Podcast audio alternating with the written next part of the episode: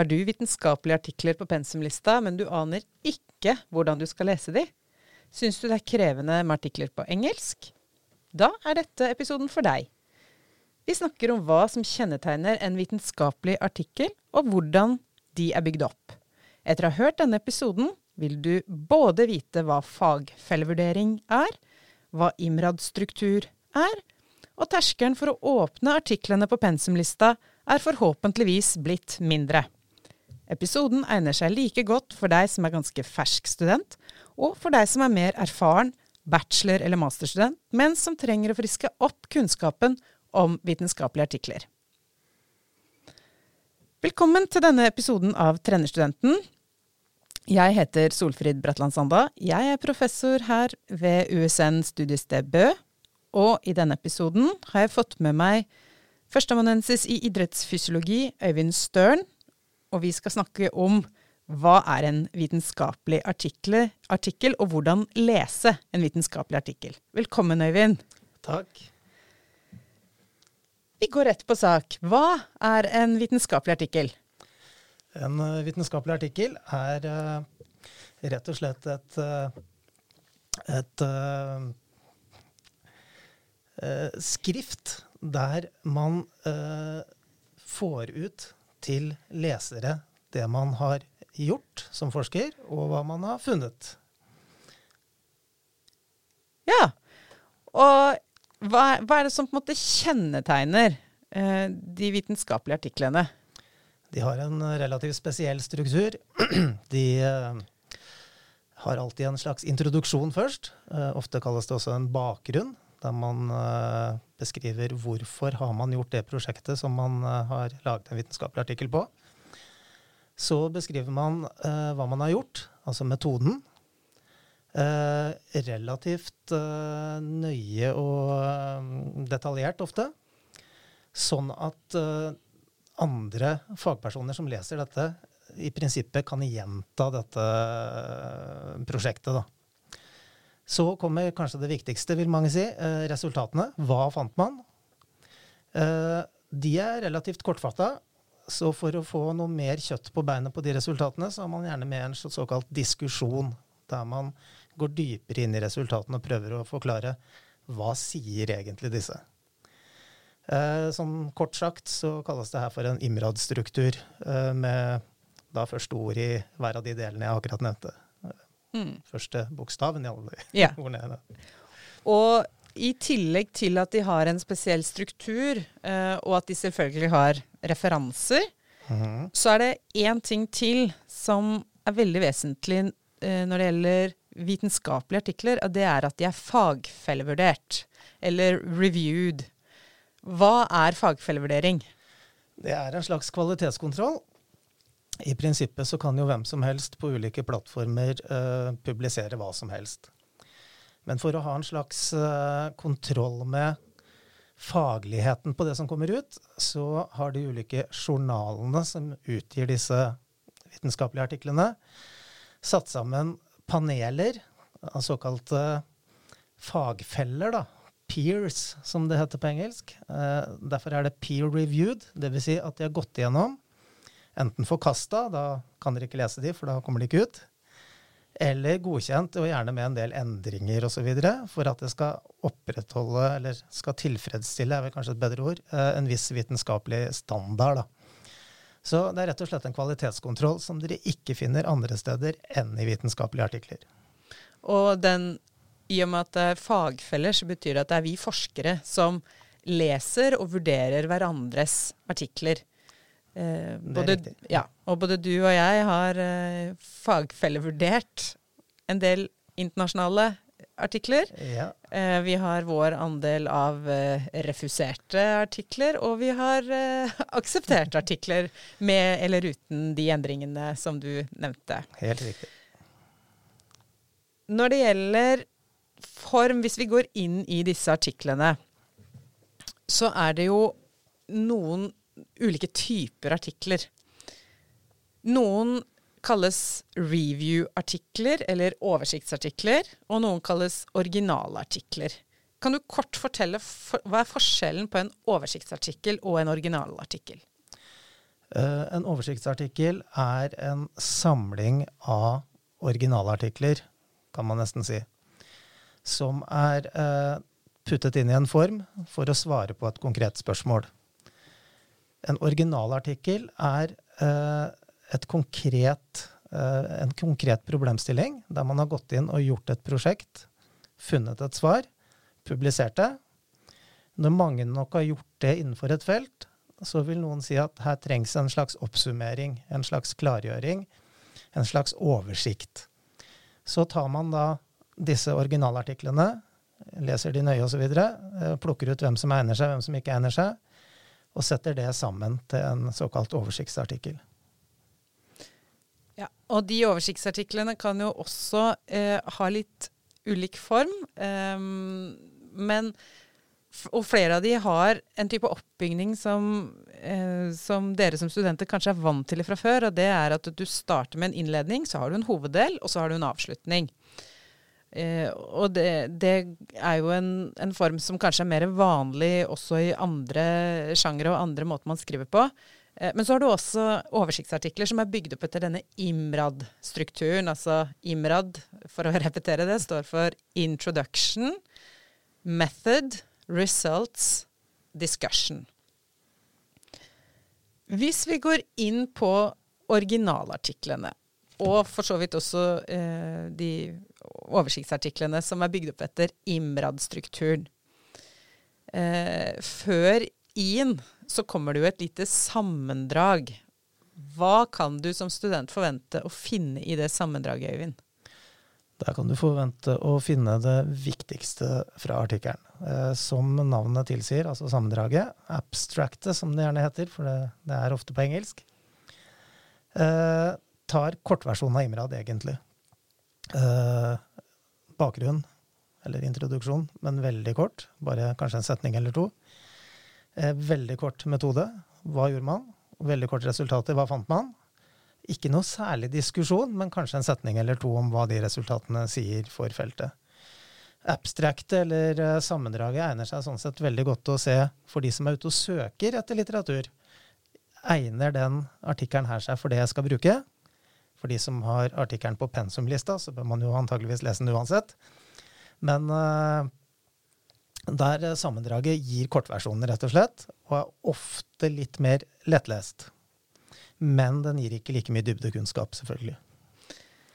Hvis vi går inn i Imrad og begynner med I-en, introduksjonen, hva kan jeg som student forvente at står i den introduksjonen? Det som alltid skal stå, er på en måte legitimeringa av hele artikkelen. Hvorfor skrev noen forskere den artikkelen her? hva er det med feltet som gjør at det er interessant at den artikkelen kommer til?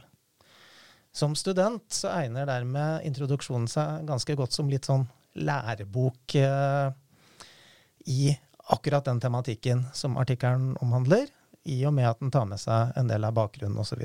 Hva er gjort før? Hva har man funnet? Hva mangler på feltet? Osv. Så sånn sett så er uh, introduksjonen veldig lærerik, spesielt for nye, uh, nye lesere mm. av vitenskapelige artikler. Fordi den gir et, uh, et, kort og greit overblikk over feltet så langt, når den artikkelen kom, da. Ja. Mm.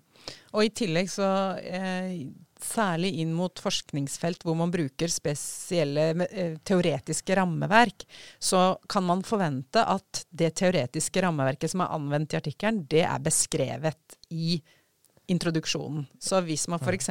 da eh, innen eh, hvis man leser en artikkel som handler om motivasjon eh, for trening eller fysisk aktivitet, og den eh, artikkelen eller den studien som er da publisert i den artikkelen, eh, har brukt selvbestemmelsesteorien f.eks. som et rammeverk, så er, da kan man forvente at da, da, er teori, da, er den teorien beskrevet eh, kort i, ja. in, i introduksjonen. Riktig, ja. riktig.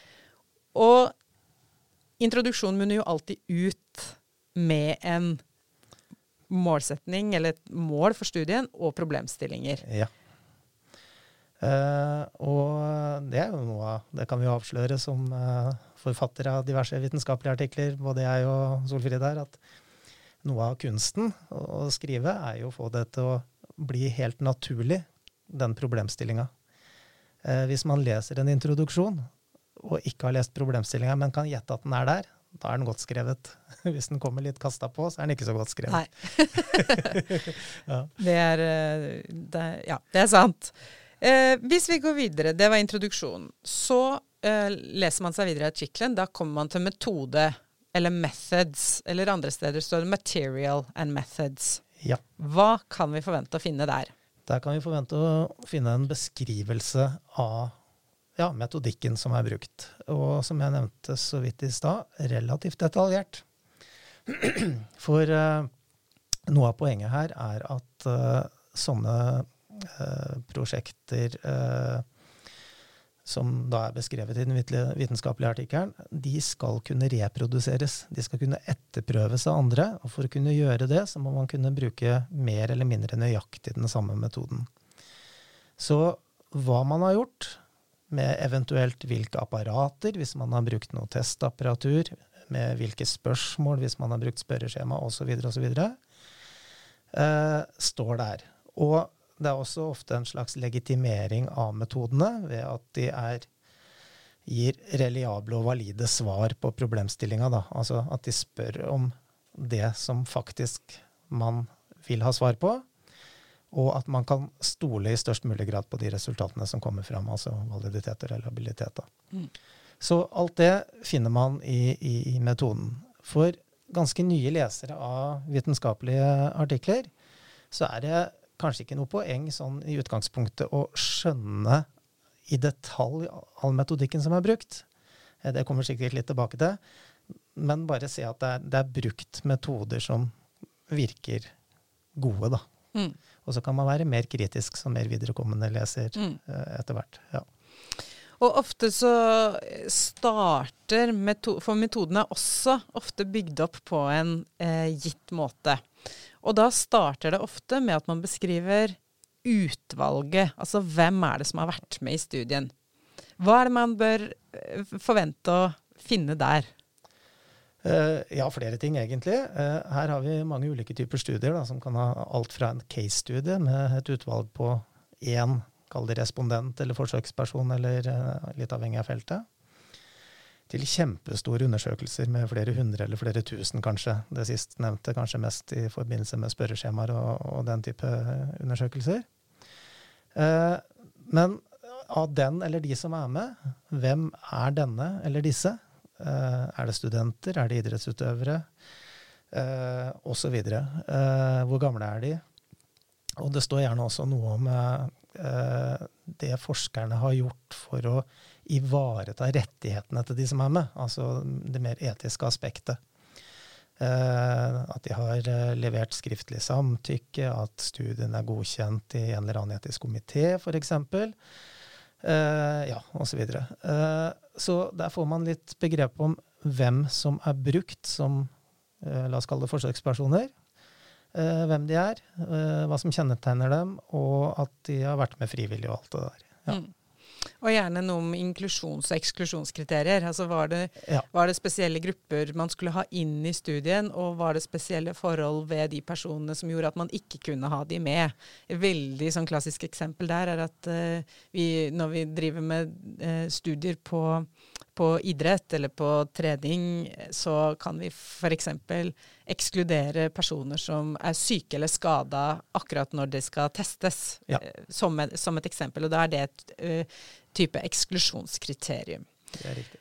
Hvis vi går videre, så, uh, så må man ofte skrive noe om designet på studien.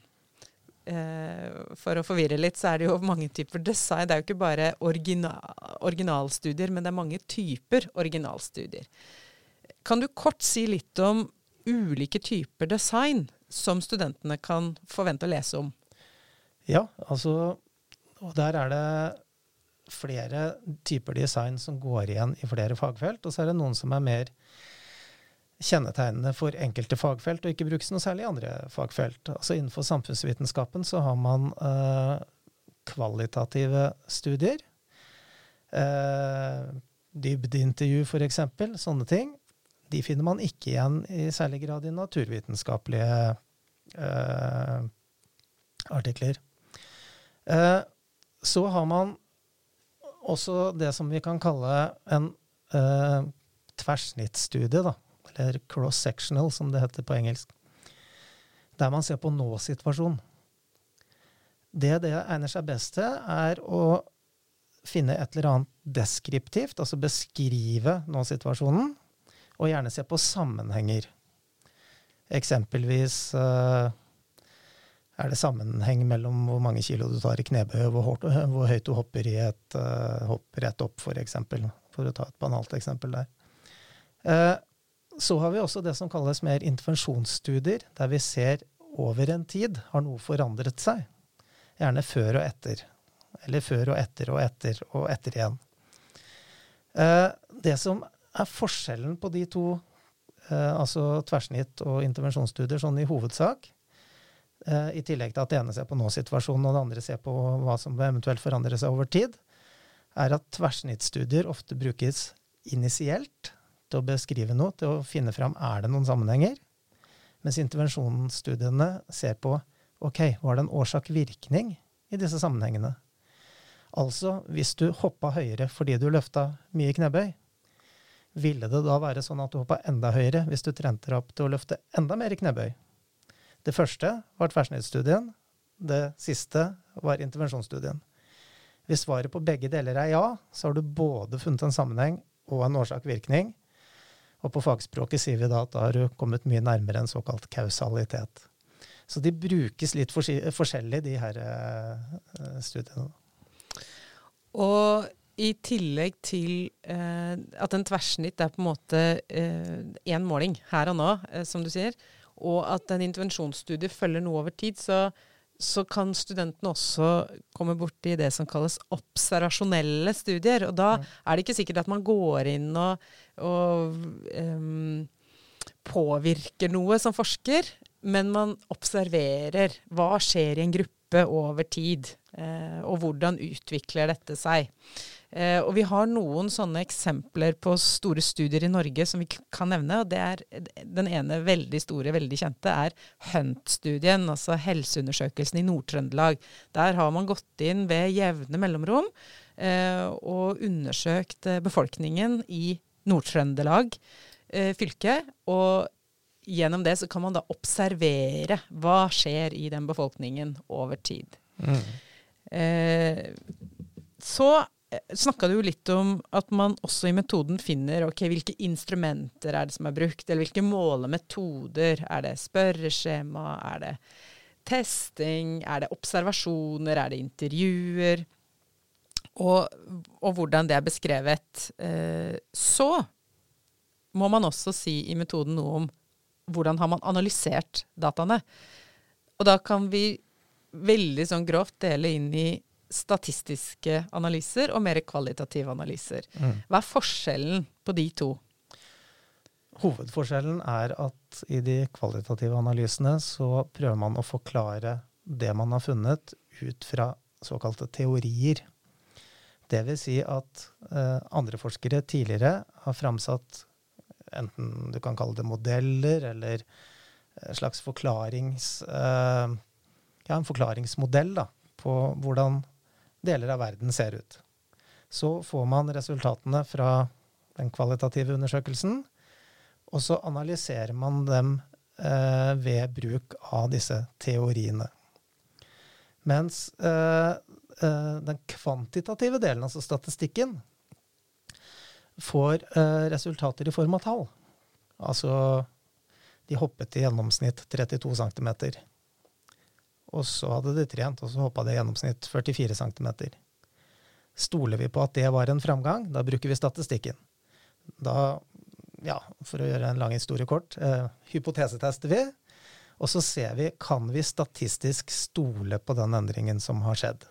Skal ikke gå i veldig detalj på det, tror jeg. Eh, men forskjellen er at vi altså bruker statistikk og tall der vi har tallfestbare størrelser og at vi mer bruker teorier der vi har eh, ikke-tallfestbare størrelser. Og planen er at vi skal lage egne episoder hvor vi snakker om statistiske analyser og egne episoder hvor vi snakker om de mer kvalitative analysene. Eh, sånn at eh, de, dere som studenter trenger ikke bli bekymra over at ikke vi går mer i dybden på det nå. Det kommer i seinere episoder. Ja. Eh, en annen, eh, Før vi forlater metodedelen og går over i resultatene, så en annen viktig vesensforskjell mellom de mer kvalitative studiene dere leser, og de mer kvantitative studiene, er at i det kvalitative så er det også et krav til at forskeren har skrevet om sin forforståelse. Altså hvorfor Hva er min bakgrunn, og hvorfor blei jeg interessert i denne tematikken? Eh, fordi i kvalitativ forskning så bruker man seg selv som et eh, verktøy. Altså forskeren bruker seg sjøl og egne fortolkninger som et verktøy i mye større grad enn det man gjør i kvantitative studier. Eh, så det er også noe å se etter. Eh, har de skrevet noe om hva er deres egen bakgrunn, og hvorfor ble de interessert i denne tematikken? Da skal det stå i metodedelen. Ja. Vi går videre til resultatdelen. Hva kan jeg forvente å finne der, Øyvind? Uh, det er en veldig dårlig artikkel hvis ikke du finner resultater der. ja. og de resultatene er jo selvfølgelig resultater som er relevante for den problemstillinga som uh, vi var inne på kom som avslutning på introduksjonen. Eh, der også er det litt forskjell i forhold til fagfeltene hvordan man presenterer resultatene. Uh, det kan presenteres som ren tekst i enkelte studier. Men i de fleste mer naturvitenskapelige og en del samfunnsvitenskapelige, altså de tallfestbare samfunnsvitenskapelige studiene, så kommer det gjerne som eh, tabeller, figurer, med bitte lite grann tekst eh, imellom. Eh, kortfatta, og her er litt eh, sånn treningssak også, hvordan lese tabeller og figurer for å få ut essensen av det. Eh, men det kan man forvente å finne der. Og et lite tips, da, i hvert fall på det der det er mye tall, det er at i naturvitenskapen, der man bruker statistikk, som vi var inne på i metodedelen i så er det gjerne ofte sånn at enten så er funnet såkalt signifikant, altså vi stoler på det statistisk, står gjerne markert med stjerner og sånn i, i tabellene. Hvis det ikke er det, så er det ikke et funn. Altså det er veldig svart-hvitt. Mens i en del av de ikke-tallfestbare studiene, så er det mer nyanser. Altså eh, det var litt sånn, og kanskje litt mer sånn. Eh, mens det er mye mer svart-hvitt i eh, mm. Kall det tallresultatdelene. Mm. Enten så er det funn, eller så er det ikke funn. Mm. Mm. Og i det mer eh, eh, kvalitative så vil man også i større grad finne sitater, ikke sant? Og, eller og ja. forvente å finne sitater hentet fra eh, de personene som f.eks. har deltatt i intervjuer. Eh, Riktig. Når vi da skal eh, gå videre til siste del, som er diskusjon, hva kan vi forvente å finne der? Der kan man forvente å finne en forklaring på resultatene, og eh, litt mer skjært ut i papp hva man fant. Litt mer, hvis det var veldig tallbasert resultatkapittel, da, litt mer i tekst hva man fant. Hva det betyr, og gjerne eh, hvilke implikasjoner det har for feltet. Gjerne litt om videre forskning, hva var det man ikke fant, og hvordan kan det forskes videre på osv. Så, videre. så et diskusjonskapittel begynner gjerne med hovedfunnene. Så det viktigste er de første setningene av diskusjonskapitlet. Der står det mm. 'dette var det vi fant'. Mm. Det nest viktigste i diskusjonskapitlet er det som gjerne kommer mot slutten, konklusjonen. Mm. Og så er det veldig lærerikt å lese det imellom også. Men uh, de to tinga, da har man hovedessensen. Og så ser man litt forklaringer og sånn eh, imellom. Mm. Altså hovedfunnene i starten av diskusjonen, og konklusjonen i slutten av diskusjonen. Mm. Vi som skriver disse artiklene, vi blir jo opplært til at vi må I en diskusjonsdel så skal vi på en måte svare på eh, hva fant vi, og kan vi stole på det vi fant? Eh, og hva, hvilken betydning har det for enten praksisfeltet eller for vitenskapen, eller begge deler? Mm. Hvis vi nå skal oppsummere litt. Eh, for nå er vi jo i bånn, og etter eh, si, diskusjon og konklusjon så kommer referansene. Ja. Referanselista. Hvis vi nå skal oppsummere eh, Øyvind, hvordan skal man lese en vitenskapelig artikkel som man har på pensumlista si? Jeg ville jo begynt med sammendraget eller abstraktet. Der kommer hovedessensen. Hvis man er veldig nybegynner, og det har vi ikke vært så mye inne på, så kan det være et godt tips å lage sin egen lille dictionary. Eh, det er en del eh, begreper som man kanskje ikke er helt familiær med sånn en gang man begynner å lese det. Skriv det ned, og skriv ned hva det betyr. Når man har lest noen artikler, så trenger man ikke å kikke på det engang, for mm. de, de, blir gjentatt fryktelig mange ganger. Men det er veldig greit sånn i starten å lage seg en liten uh, liste. Mm. Les gjerne som nybegynner med en uh, slags pensumbok av type uh, ja, en av de store på feltet ikke sant, som dekker uh, hele området. Ha en fysiologibok tilgjengelig hvis du leser en fysiologisk uh, vitenskapelig artikkel.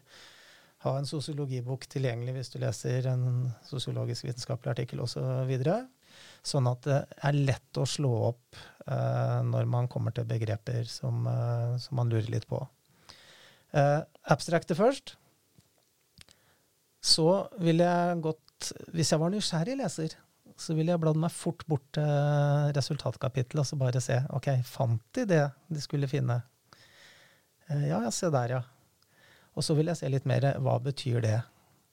Og så ville jeg kanskje gått tilbake til metoden og sett gjorde de det her på en smart måte da?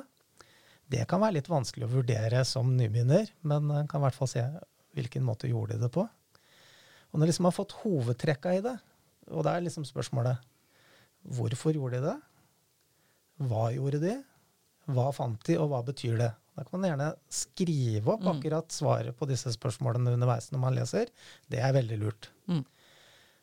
Og så kan man gjerne, hvis man har tid, egentlig lese fra A til Å til slutt. Mm. For da har man allerede en viss formening om hva, hva, dette handler om, og kan få med litt mer detaljer. Mm.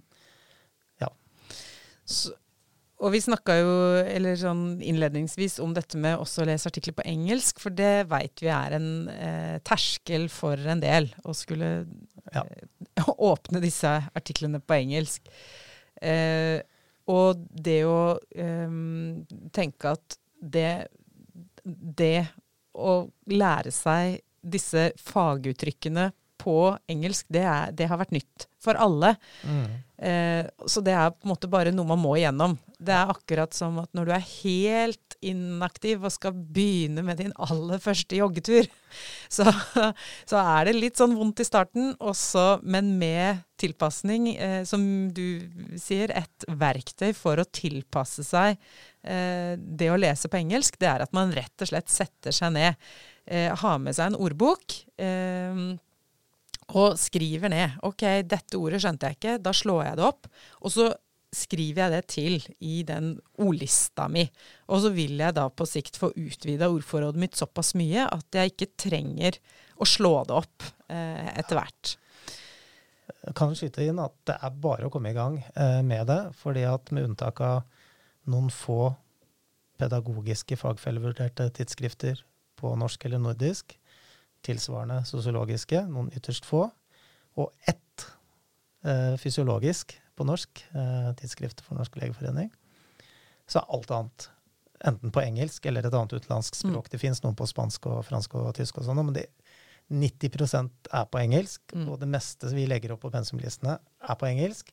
Så den baugen må man bare prøve å begynne å klatre over med en gang. Mm. Så for å oppsummere dette med hvordan man skal lese en vitenskapelig artikkel, så eh, er det noe med å vite hva en vitenskapelig artikkel er, det har vi jo snakka om. Og så er det noe med å vite strukturen. Hva kan du forvente å finne hvor i artikkelen? Og så er det eh, disse tre spørsmålene som Øyvind egentlig da har skissert ut.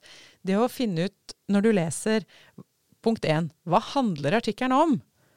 Punkt to hva har de gjort? I artikkelen. Altså metoden, oppskrifta, framgangsmåten. Og spørsmål tre hva fant de? Som jo er resultatene. Hvis du klarer å svare på det, så har du kommet veldig langt. Yes. Tusen takk for at du eh, kom hit, Øyvind. Vi høres nok i seinere episoder òg. På gjenhør.